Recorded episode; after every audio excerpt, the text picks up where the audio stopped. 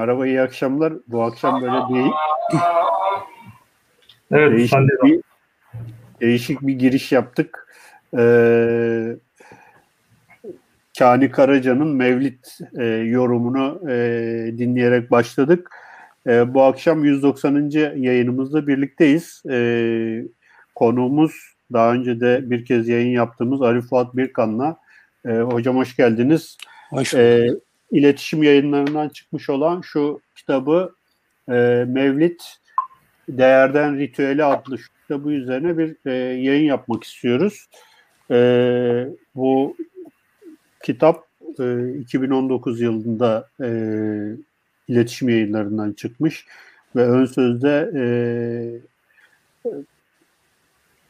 e, bayağı böyle bir kitabın çıkışıyla ilgili ayrıntılar da var. E, sanırım Taha Bey sizi bayağı bir e, şey yapmış bu konuda. Teşvik etmiş değil mi hocam? Evet. Evet. Ben, e, ben biraz daha devam edeyim. E, bu yayının e, size ulaşmasında bize destek olan e, Kur'an kitabı başlamadan önce bir teşekkür ediyoruz. E, hocam e, öncelikle e, ilk soruyu ben sorayım. Bu Süleyman Çelebi'nin e, Mevlidi 15. yüzyılda yazılmış e, bir eser ve siz kitabın ön sözünde şöyle bir şey söylüyorsunuz. Hani dünya tarihindeki en fazla tekrar edilen şiirdir bu. E, en fazla okunan şiirdir. İşte Homeros'tan, La, e, Fontaine'den, işte Baudelaire'den, Byron'dan çok daha fazla e, kez okunmuş ve dinlenmiş bir şiirdir bu diyorsunuz. Öncelikle bu Mevlid'in bir hikayesini sizden bir alalım. Daha sonra yavaş yavaş içeriğine ve e, yaşadığı değişimlere e, gireriz. Evet, e, teşekkür ederim e, e, konuk olarak ikinci kez e, kabul ettiğiniz için.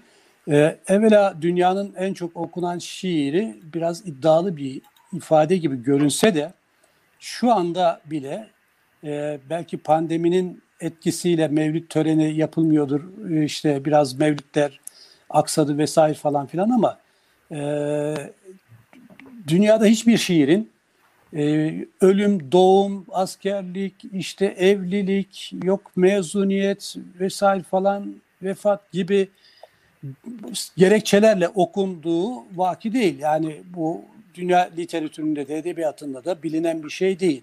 Ama Mevlid gerçekten e, yazıldığı 1409 tarihinden e, itibaren hiçbir şiire nasip olmayacak derecede yaygın bir şekilde e, çok geniş bir gerekçeyle yani bir ölüm için yazılan metin daha ziyade doğum için okunmaya başlanmış. Sonra askere uğurlama, askerden dönüş, işte eve taşınma, işte e, bilmem kırkı işte veya e, yeni ev alma veya yeni iş yeri açma her vesileyle yani toplumda inanılmaz bir hele e, özellikle kırsal e, bölgelerde bir ritüel olarak devam etmiş. O yüzden ben dünyanın en çok okunan şiiri dedim. E, hikayesini kısaca özetleyeyim. Bu tabii programın formatı itibariyle de çok edebi e, özelliklerine girmeden işte e, şekil özellikleri vesaire falanla e, daha ziyade e, değer ve ritüel kısmını e, öne almak, onu anlatmak isterim. Biliyorsunuz Fetret dönemi metni Mevlid, Süleyman Çelebi'nin Vesiletün Necat ismiyle e, bir fetret dönemi e, metni. E, bu açıdan fetret döneminin e, gerek siyasi gerek dini tasavvufi ortamını çok iyi yansıtan bir metin. E, öncelikle e, devletin dağılmaya başladığı, kardeşler arasındaki mücadelenin ön plana çıktığı, Anadolu'ya Batini, Torlak, Işık, hurufi ve benzeri birçok e, e, unsurların işte e, fikir farklılıklarının, düşünce, inanç farklılıklarının dolmaya başladığı bir dönemde e, sünnet ve peygamber sevgisini ön plana çıkarma ya dönük bir dizi faaliyetten bir tanesi mevcut aslında. Çünkü o dönemde biliyorsunuz e, işte e, Muhammediye yazılıyor, Ahmediye e, yazılıyor. E, işte e, biliyorsunuz yine aynı şekilde e, Eşrefoğlu Rumi'nin e, ve işte Yunus Emre'nin e, hemen hemen aynı dönemde Ahmedi'nin e, işte Ahmedi Dahi'nin e, benzer pek çok e, şairin e, sünnete dayalı e, literatürde ehli hadis denilen ve peygamber sünnetini, peygamber sevgisini, peygamber temasını ön plana çıkaran bir dizi e, faaliyeti var. Hatta e, yazılan ilk mevlid Süleyman Çelebi'nin mevlidi değil. Bildiğiniz gibi önce Ahmedi'nin İskender namesinde Süleyman Çelebi'den iki yıl önce yani 1407'de İskendername'de e, bir mevlid metni var. Aşağı yukarı 615 beyitlik bir metin. E, yani Anadolu'da Türkçe ilk manzum e, mevlid veya e, siyer örneği olarak görebileceğimiz bir eser bu eser. Dolayısıyla iklim buna çok müsait. Yani fetret dönemi ikliminde e, Anadolu'da çeşitli e, akımların e, ön plana çıktığı bir zamanda mesela işte müzekkinin nüfusun yazıldığını görüyoruz. İşte Hazreti Ali cenkleri var. İşte biraz evvel bahsettiğim gibi Ahmediye, Muhammediye'ler yazılıyor. E, bir dönemin aslında e, bize e, fikri arka planını da e, veriyor. Ne tür bir düşünce ortamı var? Nasıl bir inanç ortamı var? Niye yazılıyor böyle bir metin? Niye gündeme getiriliyor böyle bir metin? Ee, daha gerilere gidersek aslında Peygamber Efendimiz döneminde mevlid yok. Yani peygamberin doğum ölüm, e, doğumuyla ilgili veya vefatıyla ilgili e, herhangi o dönem sonrasında e, hatta sahabe e, çevresinde, tabi'in çevresinde herhangi bir mevlid kutlamasına rastlanmıyor. E, ta işte 10. asır 910-1171 arası Mısır'daki Fatimiler döneminde ki biliyorsunuz e, Fatimiler e, Şii e, bir e, devlet. E, Fatimi İsmailiye koluna e, bağlı bir e, Şiilik bu. Fatimiler de ilk ortaya çıkıyor ve sadece e, Hazreti Peygamberle ilgili değil, Hazreti Ali ile de ilgili Mevlid e, okunuyor. Bir resmi tören olarak ön plana çıkıyor. E, esasında yani Mevlid Sünni dünyanın eseri değil. İlk başta bunu belirtmek lazım. Zaten daha sonra kitabın da bir e, bölümünde yer alıyor. E, bid'at tartışmalarının temelinde de bunun aslında peygamber döneminde olmayan bir uygulama olduğu yolunda. E, Sünni çevrelerde daha ziyade Erbil Atabeyleri de görüyoruz. İşte o da 13. yüzyılın sonlarına 1288'de ilk Mevlid'in e, okunduğu ve törenin düzenlendiği biliniyor. E, Erbil Atabeylerinin e, Fatimilerden farkı Fatimilerde bir devlet töreni gibi kutlanırken e, Erbil Atabeylerinde e, halkın da katıldığı coşkulu bir tören olarak ön plana çıkıyor. E, arasındaki temel fark bu. Dolayısıyla e, Mevlid'in Anadolu'daki serüvenden önce demek ki bir ehli hadis anlayışı, bir Şia'ya karşı e, peygamberin e, sünnetini, doğumunu, mucizelerini, e, hatta modern metinlerde olmasa da e, klasik en eski mevlid metinlerinde vefat peygamber kısımları falan e, yer alıyor. E, tabii fetret döneminde böyle bir metnin ortaya çıkmasının arka planında e, o dönemde Hub Mesihler diye bilinen Hazreti İsa sevenler, İsa sevenler diye e, bir akım var. E, aynı şekilde tabii biraz evvel bahsettiğim gibi batinler var, Bedreddiniler var, Hurufiler var, torlaklar var, ışık var, kalenderi var. Ya fetret dönemi dini çeşitlilik açısından e, Anadolu'nun inanılmaz bir e, inanç çeşitliliği yaşadığı e, bir dönem.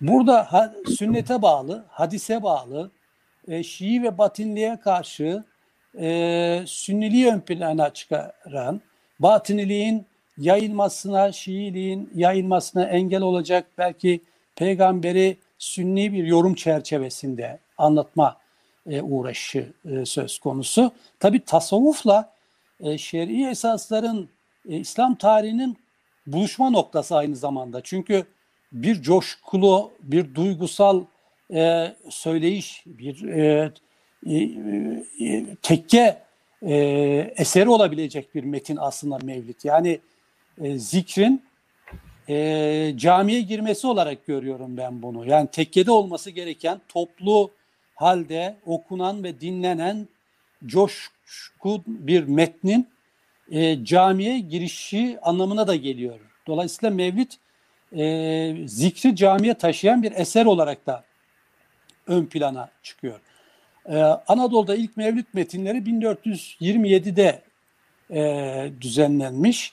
E, bu konuda Süleyman Çelebi'nin yaklaşık vefatından 5 yıl kadar sonraki bir dönem e, temsil ediyor bu. Yani Süleyman Çelebi döneminden itibaren diyebiliriz ki e, Mevlüt okunan, dinlenen e, bir metin. Mevlid'in e, Anadolu'daki daha doğrusu Vesiletün Necat'ın Süleyman Çelebi'nin yazılma hikayesi de çok ilginç. Biliyorsunuz e, Bursa Ulu Cami'de ki bir tartışmanın eseri olarak ön plana çıkıyor. E, rivayete göre ki ben bunu e, Latifi tezkiresinden aldım.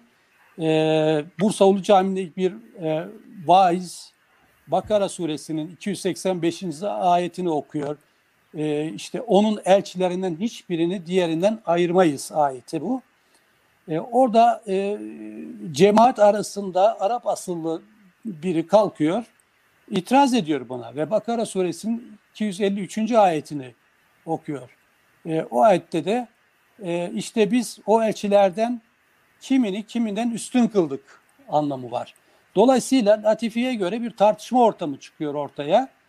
E, Arap'ın Türkçesi herhalde yeterli değil veya yeteri derecede savunulamadığı için de e, cemaat arasında bulunduğu tahmin edilen Süleyman Çelebi e, bu duruma karşılık oturup bu iddiayı yani peygamberimizin diğer peygamberlerden üstün olduğu iddiasını kaleme almaya karar veriyor. Ama tabi Arap e, bu iddiasından vazgeçmiyor. Gidip çeşitli fetvalar alıp getiriyor vesaire falan tartışma büyüyor. Hatta bunu pek e, söylemezler ama kan dökülüyor. Yani Latifici, e, Latifi'nin dediği şey e, tezkireci e, Latifi'nin dediğine göre bir cuma günü Ulu Cami önünde kasabın koyunu kestiği gibi boğazlayarak şeriat emrini yerine getiriyor o vaizi. Sen nasıl böyle bir şey söylersin diye. Yani Mevlid aslında aynı zamanda Ulu Cami'deki sonu belki e, katille biten e, bir metin olarak da bir infial yaratan bir metin olarak da ön plana çıkıyor.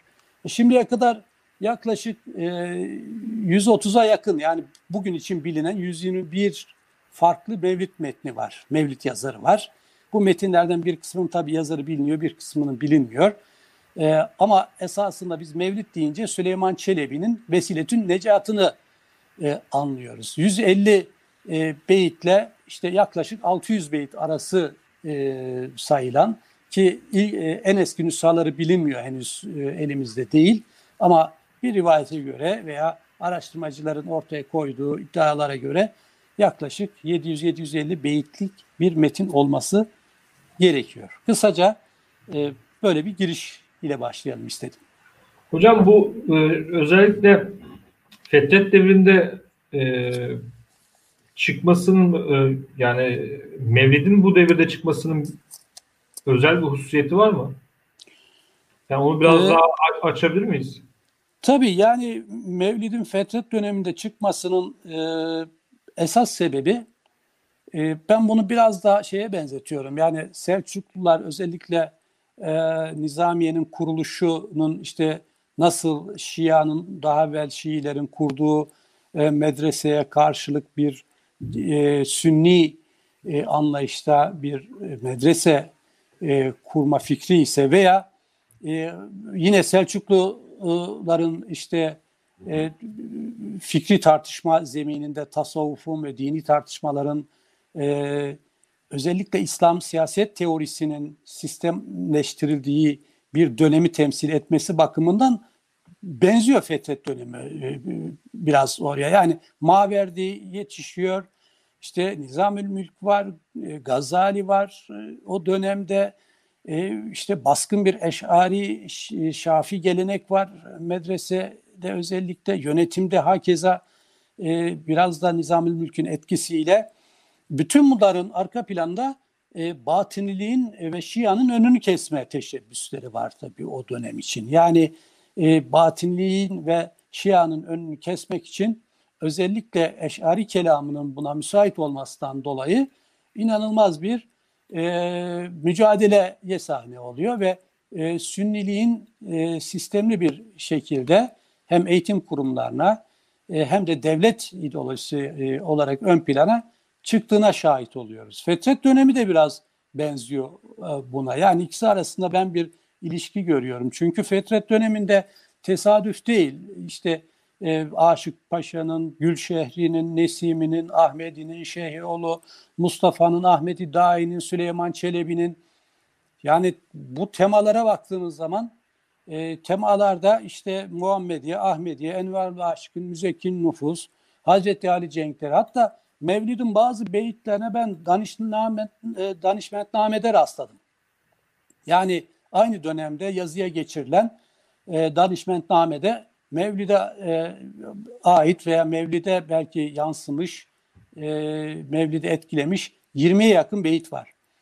E, bu açıdan e, Anadolu'nun fetret dönemi sadece siyasi istikrarsızlık dönemi olarak algılanmamalı. Fetret dönemi siyasi ekonomik istikrarsızlığın yanında e, devlet mekanizmasının sarsılmasının getirdiği bir boşluğun e, eseri olarak e, batini e, fikirlerin de e, Anadolu'yu çek, sardığı bir dönemi ifade eder. Yani mesela Hurufiler çok e, güçlü o dönemde. Mesela e, işte e, kalenderiler e, özellikle e, Anadolu'da çok e, yaygın ve çok güçlü. E, devletin sünniliği biraz ön plana çıkarması, biraz e, ehli hadis ekolünün ve sünniliğin bir devlet ideolojisi olarak e, belki desteklemesi e, o dönemde başlayıp ta Cumhuriyet de dahil olmak üzere yani Cumhuriyet dönemindeki Mevlid konusu da kitabın bir bölümünü oluşturuyor. E, ikisi arasında bir e, benzerlik gördüğünüzde devletin yıkılıp e, ortadan kalkma tehlikesi yaşadığı bir dönemde işte Mevlid'in birleştirici, bir araya getirici, coşkulu bir metin olması, camide okunması, büyük bir vecdle dinlenmesi ve insanların e, işte peygamber sevgisi etrafında e, kenetlenmesi, bir araya gelmesi e, metnin birleştirici fonksiyonunu gösteriyor. Bunun sadece işte yazıldığı e, dönemde değil, e, sonraki dönemlerde de e, tekrar edildiğini ve sonraki dönemlerde de bir e, e Althusser'in deyimiyle ideolojik e, aygıt olarak e, kullandığını gösteriyor. Yani kandiller, e, doğum, mezuniyet, e, vefat, işte çeşitli yıl dönemleri askerden dönüş, işte hacdan dönüş veya işte sünnet merasimlerinde sonrasında yani inanılmaz bir e, gerekçe, bir vesile e, oluşturuyor. Tıpkı Vesiletün Necat ismi gibi her vesilede okunan, her vesilede gündeme getirilen ve tekrarlanan bir metin hüviyeti taşıyor.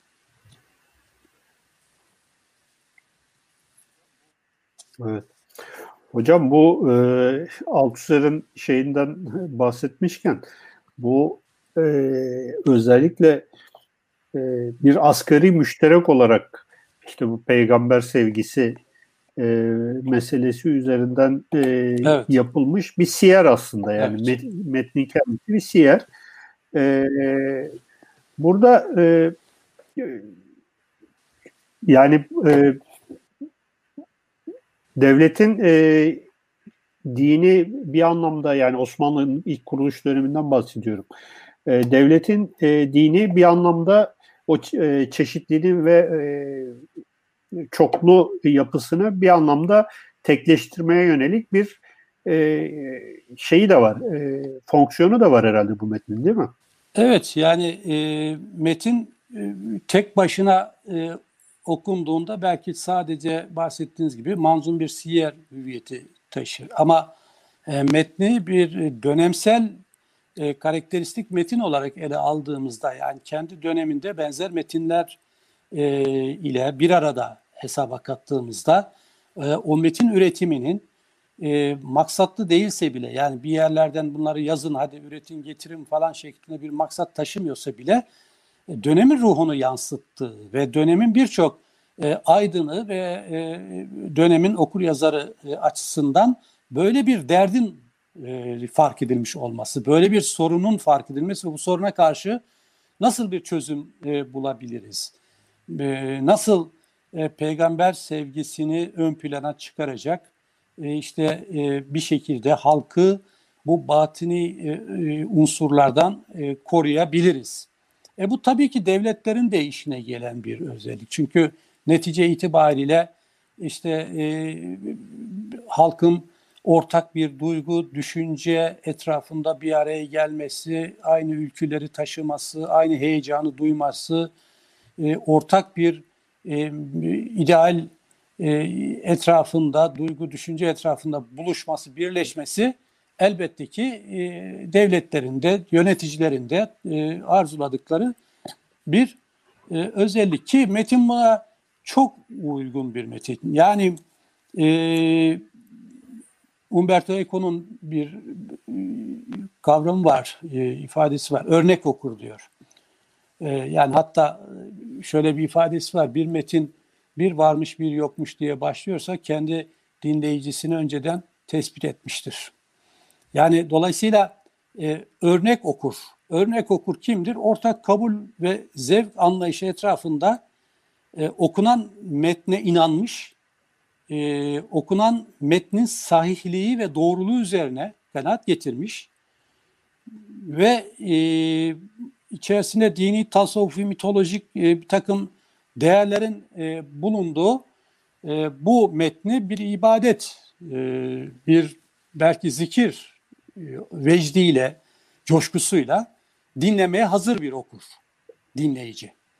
O dinlemeye hazır dinleyici e, bir ölçüde değerlerin oluşmasına da e, zemin hazırlıyor. Yani metin zamanla bir toplumsal mutabakata dayalı e, bir metin haline geliyor. İşte e, toplumun üzerinde anlaştığı, karar kıldığı ve ortak bir e, zeminde buluştuğu bir metin özelliği taşıyor. E, hatta işte zihinde kalıcı bir iz bırakıyor, kutsal bir iz bırakıyor Mevlid. Yani siyasi çözülmenin işte söz konusu olduğu bir dönemde insanların farklı duygu, düşünce, e, farklı bir takım arayışlar içerisinde olduğu bir zamanda e, duygusal bir ortam oluşturan bir gücü var Mevlid'in.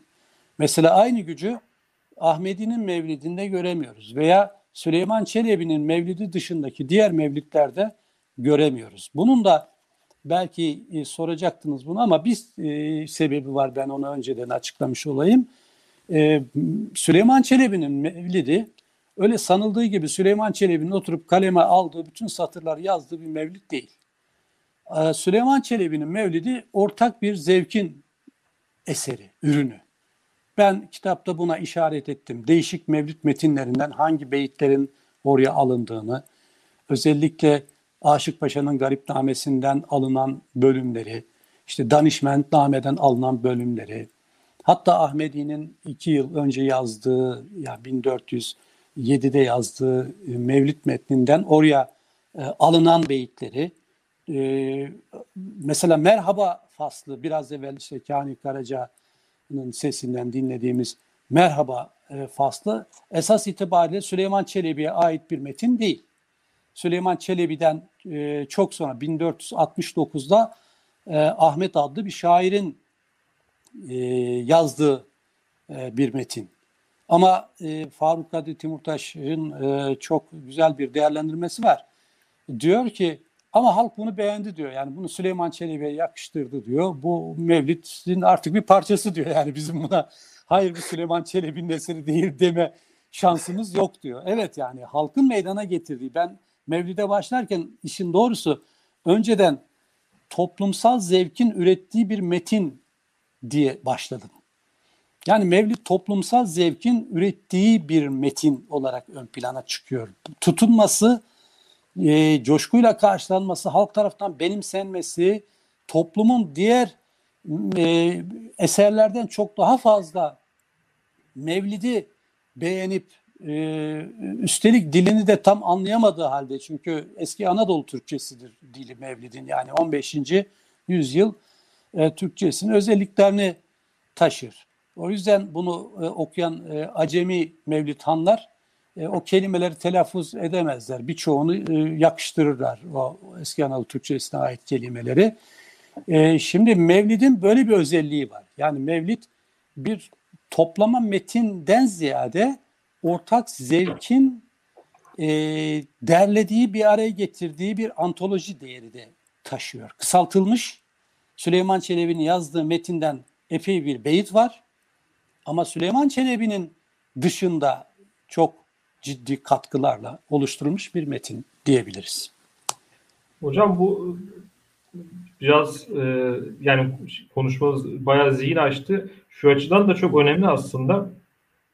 E, yani Fetret devrinde çıkıyor ve insanları bir araya getirmeye çalışıyor. Yani o siyasi bir e, dağılmanın olduğu, siyasi ve zihinsel bir dağılmanın olduğu dönemde bu insanları bir araya getiriyor. Sizin de söylediğiniz gibi kendisi de bir bir araya getirilmiş bir metin ve e, hali hazırda dinlenen bir metin. Yani şu elimizde 700 senelik 600 senelik 700 değil mi? 600 evet. 600 senelik bir metin var.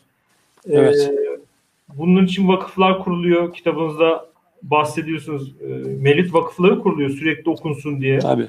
Yani aslında bir yandan da şöyle de düşünebilir miyiz? Biz bir önceki iki önceki programda e, metal müzik ve mitoloji üzerine konuşmuştuk ama evet. burada da bir e, kendi mitolojisini çünkü e, bu Teganni ile söylenen e, Mevlid Teganni ile söyleniyor. İşte biraz önce Kani Karaca'dan da dinledik.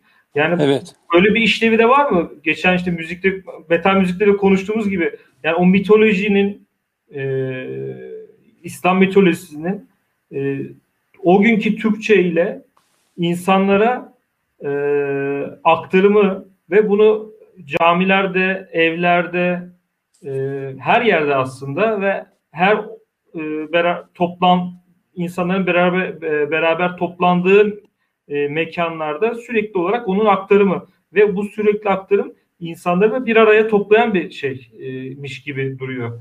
E, bir e, aktivite gibi duruyor. Evet. Çok e, önemli bir konu aslında. Şimdi e, Durkheim'in e, bir ifadesi var. Diyor ki ritüeller vasıtasıyla e, sosyal grubun kendini dönemsel olarak tekrar teyit ettiği e, söz konusu diyor. Yani e, ritüeller aslında bir toplumun e, dönemsel olarak kendisini teyit ettiği, bu kolektif şuur etrafında kenetlenen e, toplum e, kutlamaları, anmaları, törenleri, zikirleri aslında o dönemsel tekrar, dönemsel teyit aracı olarak kullanır. Yani toplum kendisini belli bir e, zamanda bunu Paul e, bir ifadesi var. Diyor ki törensel zamanın sınırsız sayıda yinelenmesi. E, törensel zamanın sınırsız sayıda. Bu özgün zamana dönüşmüyor. Yani. Bedensel, toplumsal belleğin özgün zamana dönüşü. Şimdi insanların e, mesela bir filmi 20 defa 30 defa izleyen insanlar var. Çok daha fazla izleyen insanlar var yani. Ülkemizde de bir filmi mesela Hababam sınıfını her defasında oturup seyredersiniz yani veya Kemal Sunal'ın filmlerini falan her seferinde oturur insanlar seyreder. Bu seyretmenin aslında bellekle çok yakın bağlantısı var. Çünkü biz bir zamanı anıyoruz. Bir mutlu zamanı, e, olumlu zamanı veya geçmişe ait e, çok mutlu olduğumuz, çok e, belki e, kutsal sayılan veya işte insanlar arasında, toplum arasında belli bir değer ifade eden bir zamanı dönemsel olarak anmak ve toplumun bu dönemsel anış içerisinde bunu bir ritüel haline getirmesi, bir zikir haline getirmesi aslında yani zikir. Bu zikir elbette ki musiki ile alakalı. Şimdi Mevlid'in bestesi var. Yani Mevlid bestelenmiş bir metin aslında. Hem de e, bu bestenin besteye uygun okumama üzerine yapılan bir sürü tartışma var. Kitapta e, bir, bir kısmından bahsettim ben. Özellikle çok mevlüt talebi karşısında yeteri derecede mevlütanın yetişememesi, yetişmemesi, mevlütan yetiştiren bir kurumun olmamasının da yarattığı boşluktan kaynaklanıyor bu. Böylece her önüne gelen mevlid okumaya başlıyor. Ve yani mevlidi bir arabesk gibi de okuyabiliyor, türkü de gibi okuyabiliyor. Besteye falan filan zaten dikkat etmiyor. E, mevlütanlar buna çok ciddi anlamda e, tepki gösteriyordu. Yani ben bir iki bu kitap yazarken aşağı yukarı yedi farklı ülkede e, mevlidle ilgili e, çalışmaları ve mevlid törenlerini inceleyerek bu bir saha çalışmasının ürünü aynı zamanda. E, zaten kitapta yer alıyordur, görmüşsünüzdür. Orada Boşnakça Mevlid'den bahsediliyor, Arnavutça Mevlid'den bahsediliyor, işte Makedonca, Gürcüce, Arapça, Urduca, e, hatta Çingenece e, Mevlid var, Rumca var, Çerkezce var, Kürtçe var, Java dili, Sahavili, Suhavili dili var, e, Alhamyado var. E, Ozan Bey sizi ilgilendirir bu. E, Tatarca var. Yani dolayısıyla Tatarca da ee, beni ilgilendiriyor. Evet Tatarca da sizi ilgilendiriyor. yani Mevlüt metinlerinin bu kadar geniş bir e, yere dağılmış olması hemen hemen Müslüman toplumların, e, Müslüman coğrafyanın tamamında bir e, Mevlid algısının oluşması ki bunların büyük bir kısmı Süleyman Çelebi Mevlidi olarak görülüyor. Mesela bir örnek vereyim. Gürcistan'da e, Batum müftüsüyle herhalde Kemal Bey'in anlattığı bir örnek bu. E, yıllarca Süleyman Çelebi Mevlidi okunuyor. Fakat sonradan bunlar Gürcüce mevlid yazmaya kalkıyorlar. Süleyman Çelebi'nin mevlidini Gürcüce'ye aktarmaya ve işte Gürcüce okuyalım hani millet anlasın falan diye.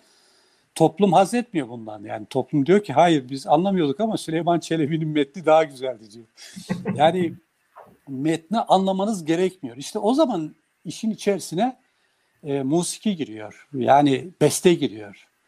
E, bunun her bir mevlid mısrağının, beytinin hangi makamda okunacağı, işte e, söz gelimi e, merhaba faslının hangi makamda okunacağı veya işte e, ilahiden hemen sonra başlayacak olan yeni faslın hangi makamla başlayacağına dair e, klasik mevlid e, metinlerin hatta e, kenarda e, der kenar şeyler var, notlar var yani e, makamların isimleri e, yazılıyor. Böyle bir e, nüshada e, Bursa'da mevcut.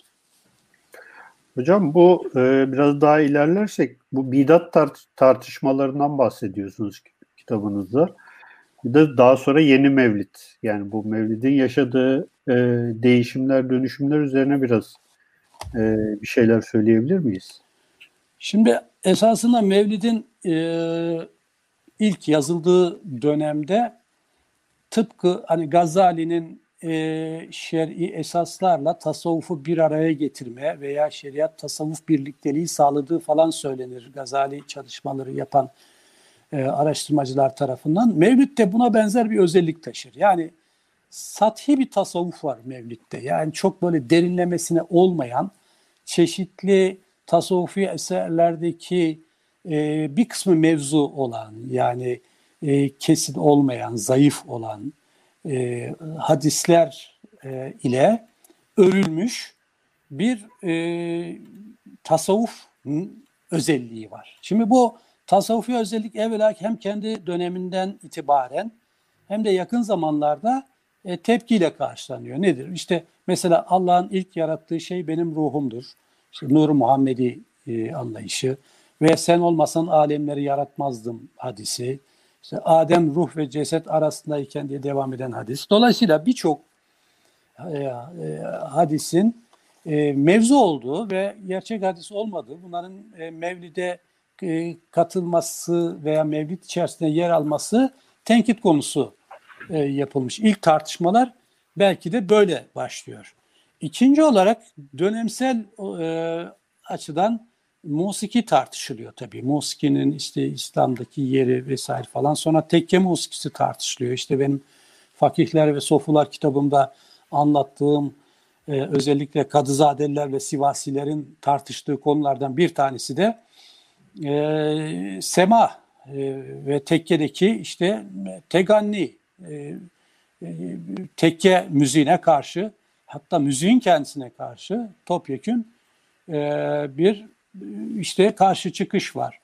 E, bir de sözleri itibariyle Mevlid'e böyle bir yaklaşım söz konusu. Yani Mevlid'in bir defa bid'at olduğunu savunanların bir kısmı yani bid'at şöyle tanımlıyorlar. Peygamber Efendimizin zamanından sonra ortaya çıkan her şey. Şimdi İslam dünyasında bunu bidat-ı hasene, bidat-ı seyyiye diye ikiye ayırıyorlar. Yani güzel bidat, kötü bidat. Yani bazı bidatler var ki aslında seyyiye yani e, kötüdür. Ama bazıları da güzeldir, hasene bidattir. Yani bunlar işte peygamberimizin konuşulduğu, anıldığı, salavat getirdiği, ilahi okunduğu bir meclis niye e, hasene olmasın? Yani bunu e, bidat tartışmalarında böyle bir bakış e, tarzı var. Özellikle Selefi ulema ile e, bir kısım e, Maliki e, imamların karşı çıktığı e, husus bu. E, son dönemlerde zaten dikkat çeken bir özellik mevlid törenleri özellikle resmi törenler işte televizyonda falan yayınlanan törenlere ben dikkat ediyorum. Dikkatle not alıyorum. Son 3 sene üzerinde çalıştığım için bunun. Mevlid'i e,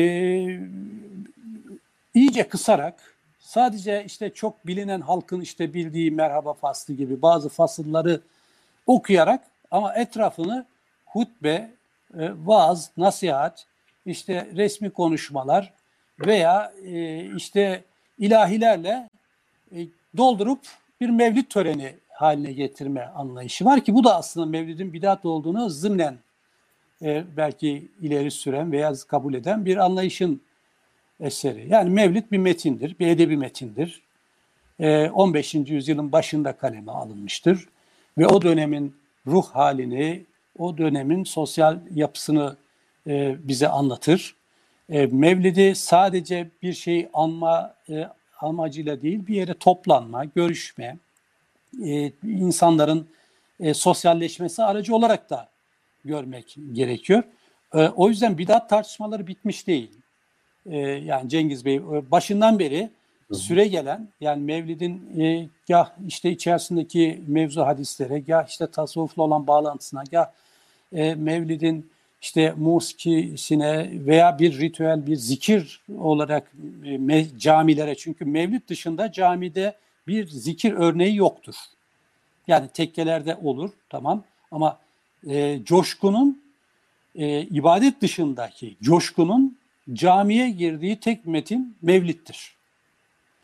E, bu daha önceki yüzyıllarda mesela 16. 17. yüzyıllardaki Evliya Çelebi'den okumuştum ben. Mesela e, Evliya Çelebi Muhammediye'nin de ezberlendiği ve Muhammediye hafızlarının olduğu e, Anadolu'nun birçok yerinde Muhammediye'yi de ezbere okuyan e, hafızların e, bulunduğunu e, nakleder.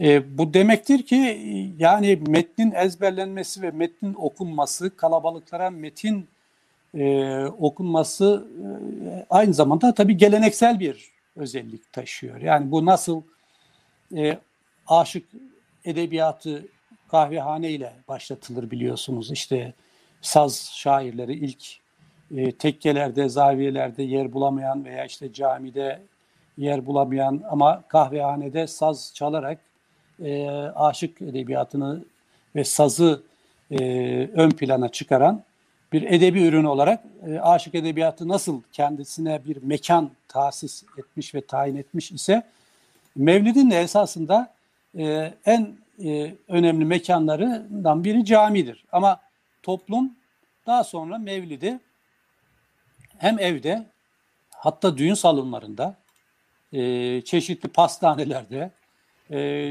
işte böyle kokteyl işte yapılan veya işte çeşitli sosyal toplantıların olduğu mekanlarda da e, gerçekleştirmeye e, başlamış. Yani son e, 100 yılda Mevlid'in geçirdiği evre aslında çok dikkat çekici bir özellik taşıyor. Yani şehirleşmeyle birlikte e, Mevlid de hem kısalmış, öyle 600-700 beyit okuyacak veya dinleyecek bir falan insan topluluğu da yok. Mevlid'i işte şöyle kısadan bir mevlid okuyalım. Hatta ben şahit oldum mesela bu dönemde çok mevlütlere gittim geldim. Yani Allah'tan e, pandemi öncesiydi de epey bir mevlüt dolaştım. Yani mesela mevlütlerin birinde şöyle dendi imama. E, Mevlüt Han'a e, kısa olsun lütfen dendi. Yani çok daha hadi uzatmayalım. Yani işin doğrusu bir merasim gibi. Yani bunu e, evet biz yani mevlüt düzenliyoruz ama yani bunu usulen yapıyoruz gibi bir şey. Hatta bir Evet yani bir, bir mevlüt e, çayda çıra gibiydi hatta böyle mumlar falan işte ışıklar yanıyor sönüyor böyle farklı bir mevlüt e, ritüeli. Bidat diye işte tartışmaların esasında bu da var yani modernleşmenin getirdiği e, bir takım gerekçeler de e, etkili oluyor bu konuda. Hocam da burada bidat tartışması şeyden Ruşen Ruşen'den artık rol çalıyoruz ama onu konuşacağım mevzuda. Bu bidat tartışması aslında bu şeyle de çok yakından alakalı herhalde. Siz de biraz bahsettiniz ama onu açmak da gerekir. Yani toplumun kılcallarına kadar bu tasavvufu işlemesi ama bugün ise e, özellikle günümüzde e, tasavvufun işte bu e, yani mistik boyutunun, İslam'ın mistik boyutunun dışarı doğru itilmesi mesela şeyi ben yakın zamanlarda dinlemediğim için önceden dinliyorduk ama e, televizyonda verilen e, mevlitlerde kısaltılması sadece şeydir nedir? E, Süleyman Çelebi'nin metninin kısaltılarak verilmesi bile aslında bununla doğrudan alakalı herhalde. Elbette yani e, dediğim gibi yani modernleş mesela kitapta geçiyor e, görmüşsünüz mutlaka. 1951'de hatta 8 Aralık 1951'de e, Arjantin Cumhurbaşkanı e, John Peron'un eşi Eva Peron e, Don't Cry My e, for, my, e, for Me Argentina diye şeyi var onun biliyorsunuz. Evet. E, Eva Peron için mevlüt okutuluyor Şişli Camii'nde. Yani 1951'de. Yani e, niye? Arjantin'deki bir e, vatandaş Eva Peron hayranı işte benim için ağlama Arjantin e, şeyde meşhur o zamanlar çok yaygın. E, ben diyor Şişli Camii'nin imamıyla konuşuyor. Ben Eva Peron'un diyor ruhuna mevlüt okutacağım. Ya olur mu olmaz mı falan. E, bir tartışmalar başlıyor tabii. O dönemin gazetelerine falan yansıyor. Köşe yazarları Hristiyanlar için mevlüt okutulur mu okutulmaz mı tartışmalarına başlıyorlar mesela. Yani gündemi bayağı bir meşgul ediyor e, e, Eva Peron. E, sonra e, Mevlüt çok enteresan bir hakikaten e, ritüel. Yani mesela e, Rum komşusu Afro teyze vefat ediyor. İşte ben Afro teyzenin ruhuna mevlüt okutacağım diyor. Vasiyeti vardı diyor falan. Yani Afro teyzenin ruhuna mevlüt okutuyor.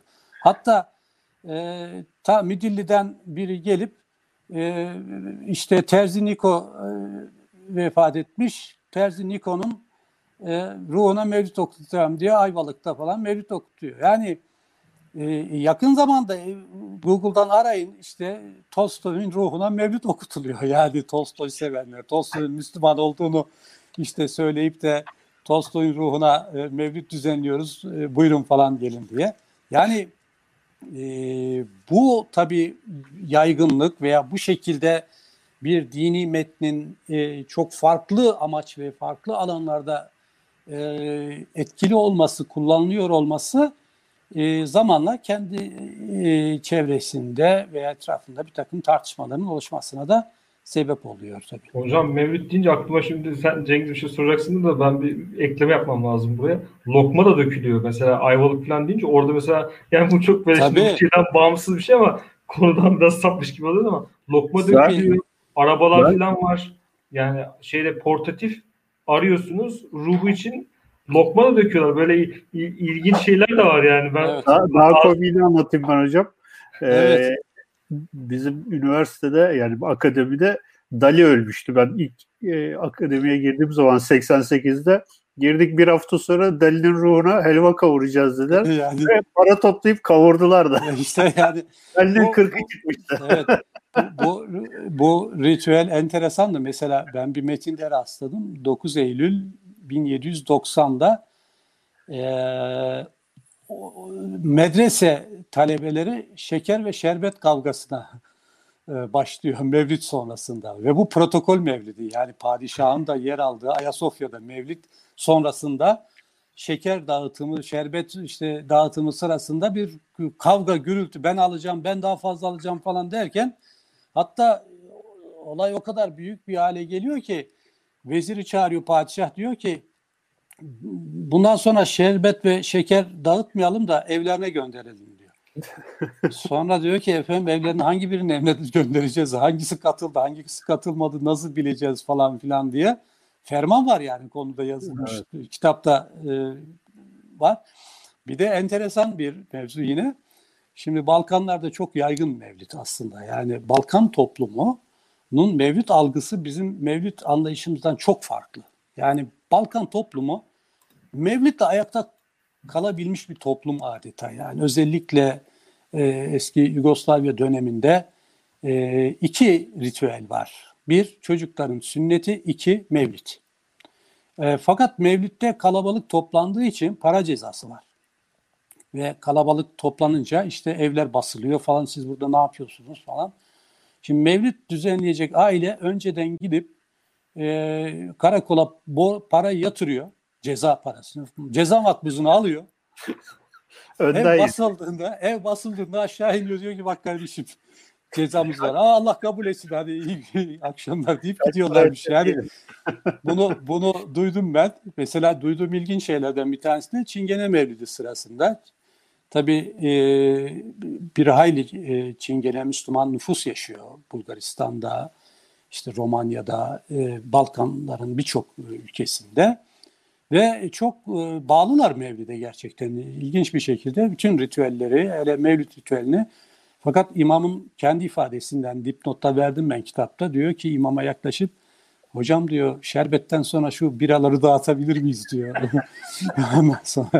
Yani Mevlid algısı e, Mevlid algısı bir, e, bir ritüel. Özellikle Allah, Allah kabul etsin. Yani, yani Balkanlarda bir de tabii 2. Abdülhamid'in İttihat İslam politikası gereği Süleyman Çelebi'nin Mevlidi bilhassa Abdülhamid döneminde e, Balkan dillerine tercüme ediliyor. Ve Süleyman Çelebi en az bizim kadar biliniyor. Çok tanınıyor. E, Mevlid çok böyle kutsal bir metin gibi görülüyor. Ve Mevlid toplumu ayakta tutan, toplumun dinle olan ilişkisini ve bağını sağlayan e, çok önemli bir e, araç. Ara metin gibi yani çıkıyor. öyle değil mi? Evet. Yani bu e, bir, her bir toplum ve her bir ülkenin kendi e, zaviyesinden bakmak gerekiyor. Yani bir tarafta ne bileyim işte e, bid'at gibi sayılan bir metin başka bir tarafta toplumu bir arada tutabilme ve toplumun çimentosu olabilme özelliği e, taşıyor. E zaman zaman tabii yasaklar da var. Yani sadece orada değil. Mesela ben bir Bakanlar Kurulu kararına rastladım. 25 Kasım 1944'te e, 1848 tarih sayılı e, Bakanlar Kurulu kararı tam Mevlid-i Şerif kitabı yasaklanmıştır diye. Kitaba da aldım. Bakanlar Kurulu kararıyla tam Mevlid-i Şerif yasaklanıyor. Yani e, herhangi bir gerekçesini bilmiyorum tabii niye yasaklandı vesaire falan. E, Ama enteresandır Cumhuriyet'in ilk dönem yıllarında hatta e, hazırlık yıllarında yani 1912'den e, itibaren aslında 12'den itibaren e, gerek e, Balkan Savaşları'nın e, gerek Birinci Dünya Savaşları'nın vesaire falan sonrasında Mevlüt e, çok önemli bir yere sahip oluyor. Yani Mevlüt törenleri özellikle e, Balkan şehitleri için düzenlenen çeşitli Mevlüt e, işte törenlerinde gerekse işte Birinci Dünya Savaşı sonrasında düzenlenen Mevlüt töreninde bir protokol mevlidi çıkıyor ortaya. Ve Mevlüt protokolü tekrar başa dönüyor. Yani Fatimilerin protokol diye başlattıkları Mevlid e, Osmanlılar'da da var mesela ilk resmi tören 3. Murat döneminde 1575'te. Yani devlet protokolü ile düzenlenen bir metin oluyor. Sadece halkın o, o işte gidip de camide oturduğu veya e, evin salonlarına falan oturup dinlediği bir metin değil. E, bir devlet protokolüyle e, belki işte icra edilen bir dini tören özelliğine sahip. 1910'da mesela Mevlid kanunda bayram olarak kabul ediliyor. 1910'dan sonra.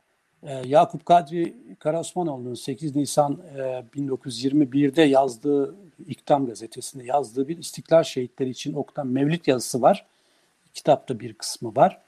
E, çok coşkulu e, ve Mevlid'in e, toplumu nasıl derleyip toparladığı, bir arada e, tuttuğu, kaynaştırdığı e, konusundaki gözlemlerini anlatıyor Yakup Kadri.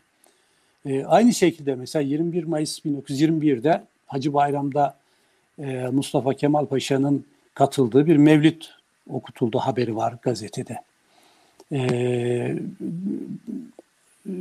hatta e, 17 Ekim'de Bursa Ulu Camii'nde e, aynı şekilde mevlid töreni e, düzenleniyor ve Atatürk ve arkadaşları e, bu törene katılıyorlar. Mevlüt törenine katılıyorlar. Ve bu mevlüt töreninde halkın bütünleşmesi adına yapılıyor. Yani bu e, Altuzer'in ideolojik araç söylemi e, sadece işte efendim e, Fatimiler veya e, Osmanlı döneminde falan değil, Cumhuriyet döneminde de kendisini çok açık bir şekilde hissettiriyor. 1932'de mesela Kadir Gecesi'nde Ayasofya Camii'nde Hafız e, Yaşar Okur'un okuduğu bir mevlüt e, töreni var. Ve bu mevlüt töreni özelliği ilk kez radyodan canlı olarak yayınlanıyor. Ben e, Hafız Yaşar Okur'un hatıralarına e, hatıralarında rastlamıştım.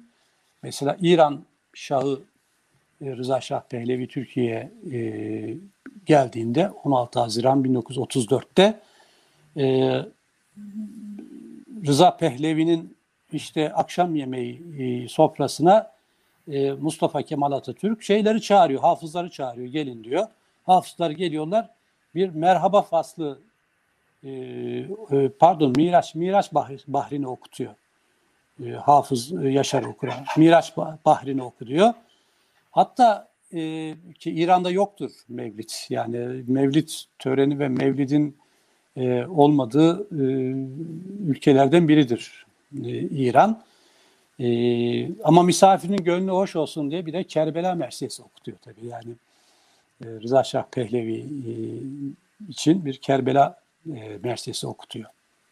Hocam ufak bir yani şimdi bu 1920-30'lardan bahsedince yani bir benzerlik kurdum ama ne kadar doğru bilmiyorum. Yani mesela İstiklal Marşı'da bir Fetret Devri metni ve İsmail Kara'nın söylediği üzere gidersek bir dini metin aslında İstiklal Marşı. Ee, şey de Mevlid de yani tabii şeyler konular falan farklı ama e, Mevlid de işte baş, başta da konuştuk Fetret Devri metni ve ikisinin arasında bir böyle bir paralellik varmış gibi geldi. Şimdi bunları söyleyince e, şeyi bir arada tutma, topluluğu bir arada tutma, bir ruh yaratma. Belki de o şey de üzerinden de gitmek gerekiyor. Bir ruh yaratma. Yani bir e, e, top, topluluğa ait bir e, ruh yaratma açısından ikisi arasında da bir ufak bir benzerlik varmış gibi. Yani bu tabii farklı bir şey konu ama As- bir, bir- öyle bir benzerlik varmış gibi du- duruyor. aslında sadece o değil. Yani mesela e, okullarda okutulan andımız, mesela bütün bayramlar, resmi bayramlar, bütün dini bayramlar.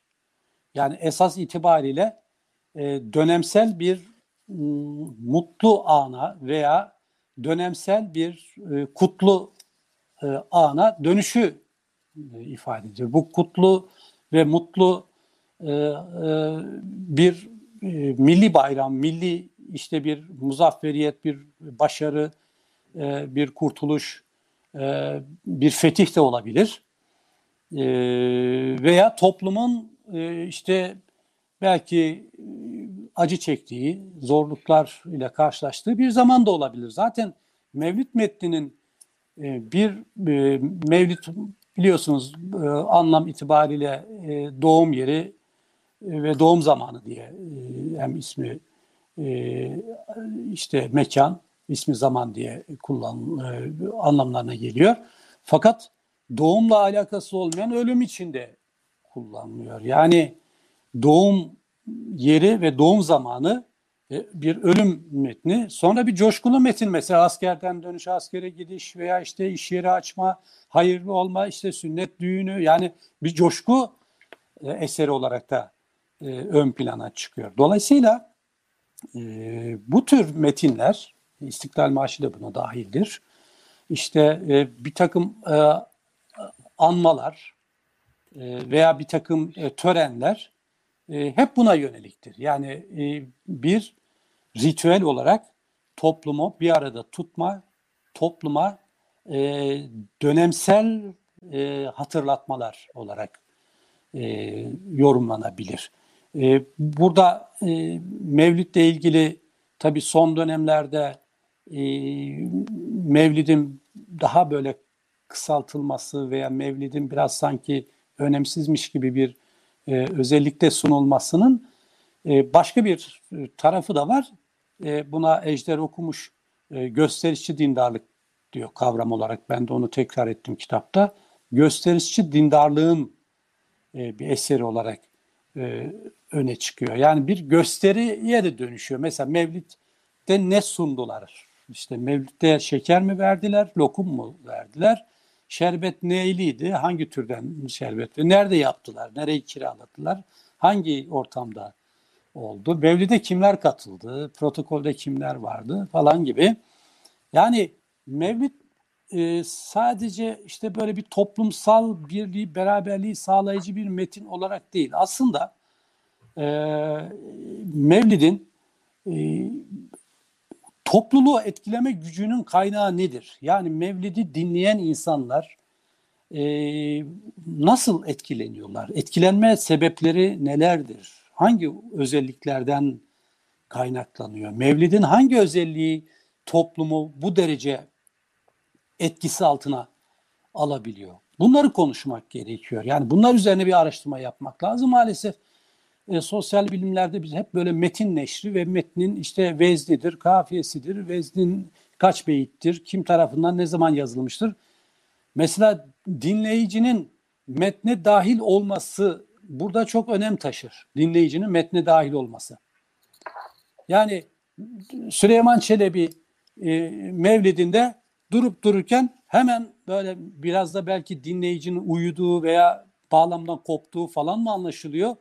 Ger dilersiz bulasız ottan necat, ışk ile derd ile aydın esselat. Salavata davet ediliyor. Veya her ki diler bu duada buluna, Fatiha ihsani de ben kuluna.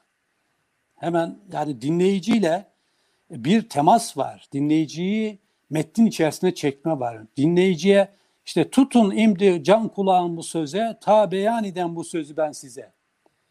Yani dinleyicinin gözlerinin içine bakıyor aslında. Yani konuşurken böyle e, bazen olur böyle işte e, şeyler e, hutbe okurken falan e, tamamen e, metne bakarlar. Hiç şeyle teması yoktur biliyorsunuz. İşte dinleyiciyle falan e, hatibin. Süleyman Çelebi'nin metni dinleyiciyi de e, metnin içerisine çeken ve dinleyiciyi Mevlid'in parçası haline getiren, birlikte Mevlid'i ürettikleri, birlikte coştukları bir ortam yaratıyor. Yani mesela işte dinleyici biraz böyle bir rahatladı mı, bir gevşedi mi hemen bir Yunus şiiri başlıyor. Bağrımdaki biten başlar Muhammed'in aşkındandır. Veya dinleyici biraz kendisini bıraktı mı arayı arayı bulsam izini, ayağın tozuna sürsem yüzünü diye bir ilahi başlıyor. Dinleyici ayağa kaldırılıyor. İşte herkes birbirinin sırtını sıvazlıyor falan. Bir salavat işte getiriyorlar. Yani metin bir aksiyon, bir hareket ve interaktif bir metin. In, evet yani interaktif bir metin. Dinleyiciyle çok mesela ben cuma e, hutbelerinin böyle bir metni bilen bir toplum açısından çok sönük, çok böyle işte bir, bir an evvel bitsin de hani gidelim türden e, metne baka baka hiç e, karşı kafayı kaldırıp da karşıdaki insanın ne derdi var, ne sıkıntı çekiyor onu da bir metnin içerisinde çekelim, konuşalım, edelim. Yani Süleyman Çelebi'nin metni bilhassa e, toplum bilimcilere çok önemli bir mesaj veriyor aslında. Yani toplum bilimi açısından Süleyman Çelebi metni e, metinle dinleyicinin, metinle okurun e, buluşma e, kavşakları, buluşma vesileleri ve buluşma e, özellikleri açısından e, çok katmanlı bir yorum taşıyor. E, matemin coşkulu bir hale getirildiği, ölüm için yazılan bir metnin veya işte doğum için yazılan bir metnin e, çeşitli vesileler e, için kullanıldığı. E, sonra e, tam böyle metinin e, köyde ayrı bir ilahi okunup şehirde bambaşka bir ilahi. Mesela çok seçkin bir e, işte aydın e, topluluk için Şeyh Galip'in e, bir gazelini okuyabilirsiniz. Fakat köyde okunacak metin daha ziyade işte o köy ortamında herkesin anlayabileceği vesaire falan bir Yunus ilahisidir. Metin de ona göre seçilir. Dolayısıyla Mevlid Han adeta Mevlid'i her seferinde, her icrada yeniden oluşturur. Yeni bir betin olarak karşımıza çıkar Mevlid. Yani her icra Mevlid için yeniden e, oluşturulan, metnin yeniden oluşturulduğu bir nitelik taşır. Bu da Mevlid'in çok önemli özelliklerinden biridir. Yani oradaki estetik dokuyu da e, hesaba katarak Mevlid'e e, yaklaşmak lazım. Mevlid böyle hem toplumsal hem dini, tasavvufi hem de e, bir edebi metin olarak e, gerek söyleyiş, söyleyişteki akıcılık, üslubun güzelliği hem de çok katmanlı bir anlam tabakası e, ve çok güzel tasvirleri var. Yani e, Amine Hatun Muhammed anesi ol sadeften doğdu ol dürdanesi. Şimdi, o bu kadar güzel e, sehli mümteni diyor eskiler. Yani böyle güzel söyleyiş, kolay söyleyiş, zor bir şeyi çok kolay bir şekilde, çok rahat bir şekilde söyleyiş özelliği taşıyor Mevlid. Hocam e, yavaş yavaş toparlayalım. E, sizin e, kitabınızda e, bir hani serzeniş olarak bu metnin edisyon kritiğinin e, yapılmadığını e, söylüyorsunuz. Herhalde bundan sonra artık belki bu programda e, bazı insanlara e, bir ilham verir ve hani metni biraz daha böyle e, dikkatli bir şekilde, karşılaştırmalı bir şekilde inceleyen bazı işte çalışmalara da e, vesile olur. E, böyle umuyoruz yani en azından. E, sizin bu konuyla ilgili söyleyeceğiniz bir şey var mı? Evet yani e, edisyon kritik çok zor bir iştir. Ben Nabi Divanı'ydı benim doktora tezim ve 99 nüsha e, üzerinden yaptım yani 99 nüsha ailesi çıkararak onun üzerinde Mevlid'in de belki e, en eski metinlerini e, ki yakın zamanda çok güzel çalışmalar yapıldı. Üç ciltlik Mevlid'le ilgili e, bütün dünya e, dillerindeki Mevlidler toplanmış, basılmış. E, umuyorum ki ben bu tür bir edisyon kritik çalışması da yakın zamanda e, yapılır. En eski Mevlid metinleri üzerinden. Ama bundan daha önemlisi mesela konuşamadığımız epey bir e, konu var. İşte mesela kadınların toplum hayatına, toplumsal hayata katılması mevlid yoluyla oluyor. Yani sosyolojik boyutu, antropolojik boyutu mevlidin, e, e, estetik söyleyiş açısından yani mevlid niye bu kadar etkili, niye bu kadar çok insan mevlid dinledikçe bir daha dinliyor, bir daha dinliyor. Niye sürekli tekrar ediliyor bu metinler?